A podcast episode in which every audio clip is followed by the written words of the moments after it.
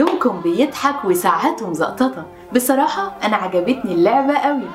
وقلت ما نكمل تاني. إيه المشكلة؟ نكمل في حدوتة الفوازير.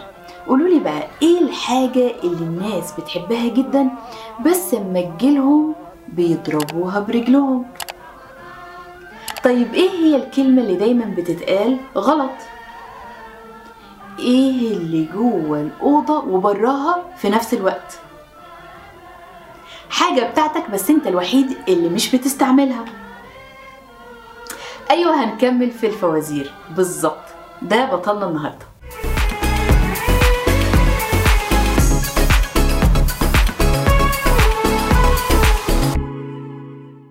بصراحة أنا شكل موضوع الفوازير ده عجبني جدا وشكلي هعمله رمضان اللي جاي. انتظروني. بس اسم ريم مش هيعمل جو كده. إحنا عايزين اسم لولبي كده زي شريهان ونيلي. فكروا وقولوا لي اقتراحاتكم. جميلتنا النهاردة هي الشريهان اللي كانت برضو أحد أعمدة فوازير رمضان على مر التاريخ وفي الوطن العربي كله. شريهان اتولدت في مصر تحديدا في القاهرة. وبدأت حياتها وهي يدوب عندها أربع سنين. واشتغلت في المسرح وفي السينما وشريهان ما شاء الله عملت يعني كمية حاجات استعراضية كانت أكتر استعراضية أكتر من هايلة. مين فينا آه، مش فاكرها؟ في سك على بناتك وهي عاملة فيها ريا وسكينة آه، لأحمد راتب الله يرحمه.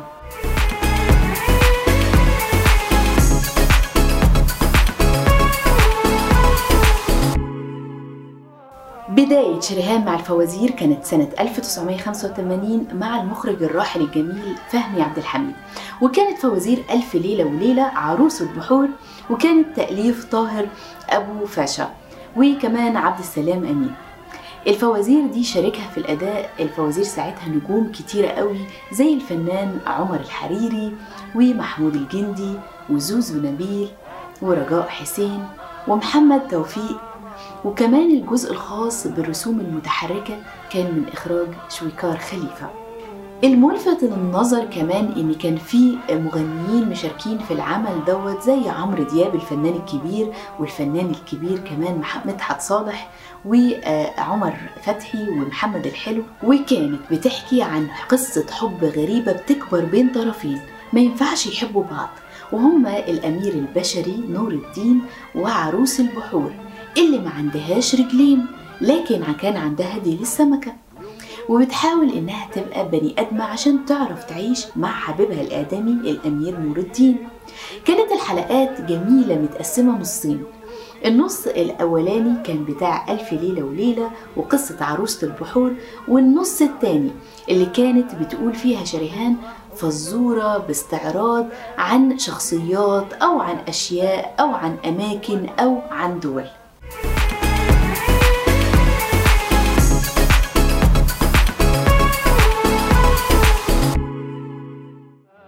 بعدها في سنة 1986 قدمت لنا شريهان الجزء الثاني من فوازير ألف ليلة وليلة. ورد شان ومندو وكانت برضو إخراج فهمي عبد الحميد وتأليف طاهر أبو فاشا ده في المسلسل. وفي الفوازير كانت تأليف عبد السلام أمين. وشاركها في البطولة برضو عمر الحريري وزوزو نبيل ومديحة حمدي ومحمد العربي وعبد الرحمن الفنان الجميل عبد الرحمن أبو زهرة. وكانت حدوتة غريبة جدا. كانت بتحكي عن السلطان كهلان اللي كان بيحكم بلاد السنديان وكان عنده كل حاجة إلا إنه مش بيخلف هو ومراته قمر الزمان. وكانوا راضيين جدا جدا لحد ما جه الوزير شعلان عشان يخلي السلطان يتجوز بنته ياسمين عشان يجيب ولي العهد. وتدور أحداث كتير وكتير كتير كلها بتقول إن الوزير شعلان مش أمين خالص. ولا شخص مؤتمن.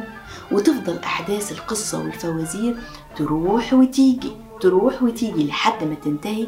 إن مندو اللي هو الفنان محمد العربي من كتر الظلم على الأرض بيتعرف على اتنين من كوكب الحكمة. بيحكي لهم وبيقرر إنه لازم يرجع للسلطان كهلان ويعرفوا حقيقة الوزير مهما كلف الأمر. حلقات فوازير ألف ليلة وليلة والدشان ومندو كانت برضو زي ألف ليلة وليلة عروس البحور. متقسمة نصين. أول نص كان عبارة عن حدوتة وردشان وماندو والنص التاني كان عبارة عن الفزورة من خلال استعراض وكانت عبارة عن أمثال. وقتنا معاكم خلص النهاردة بس أوعدكم إن إحنا لسه هنكمل كلامنا على الفوازير.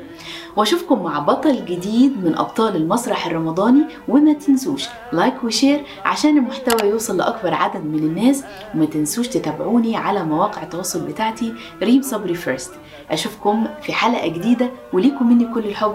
رمضان سعادتي مع ريم صبري. برنامج رمضان سعادتي برعاية شركة Empower أول شركة وتطبيق للصحة العقلية والنفسية للشباب في الشرق الأوسط.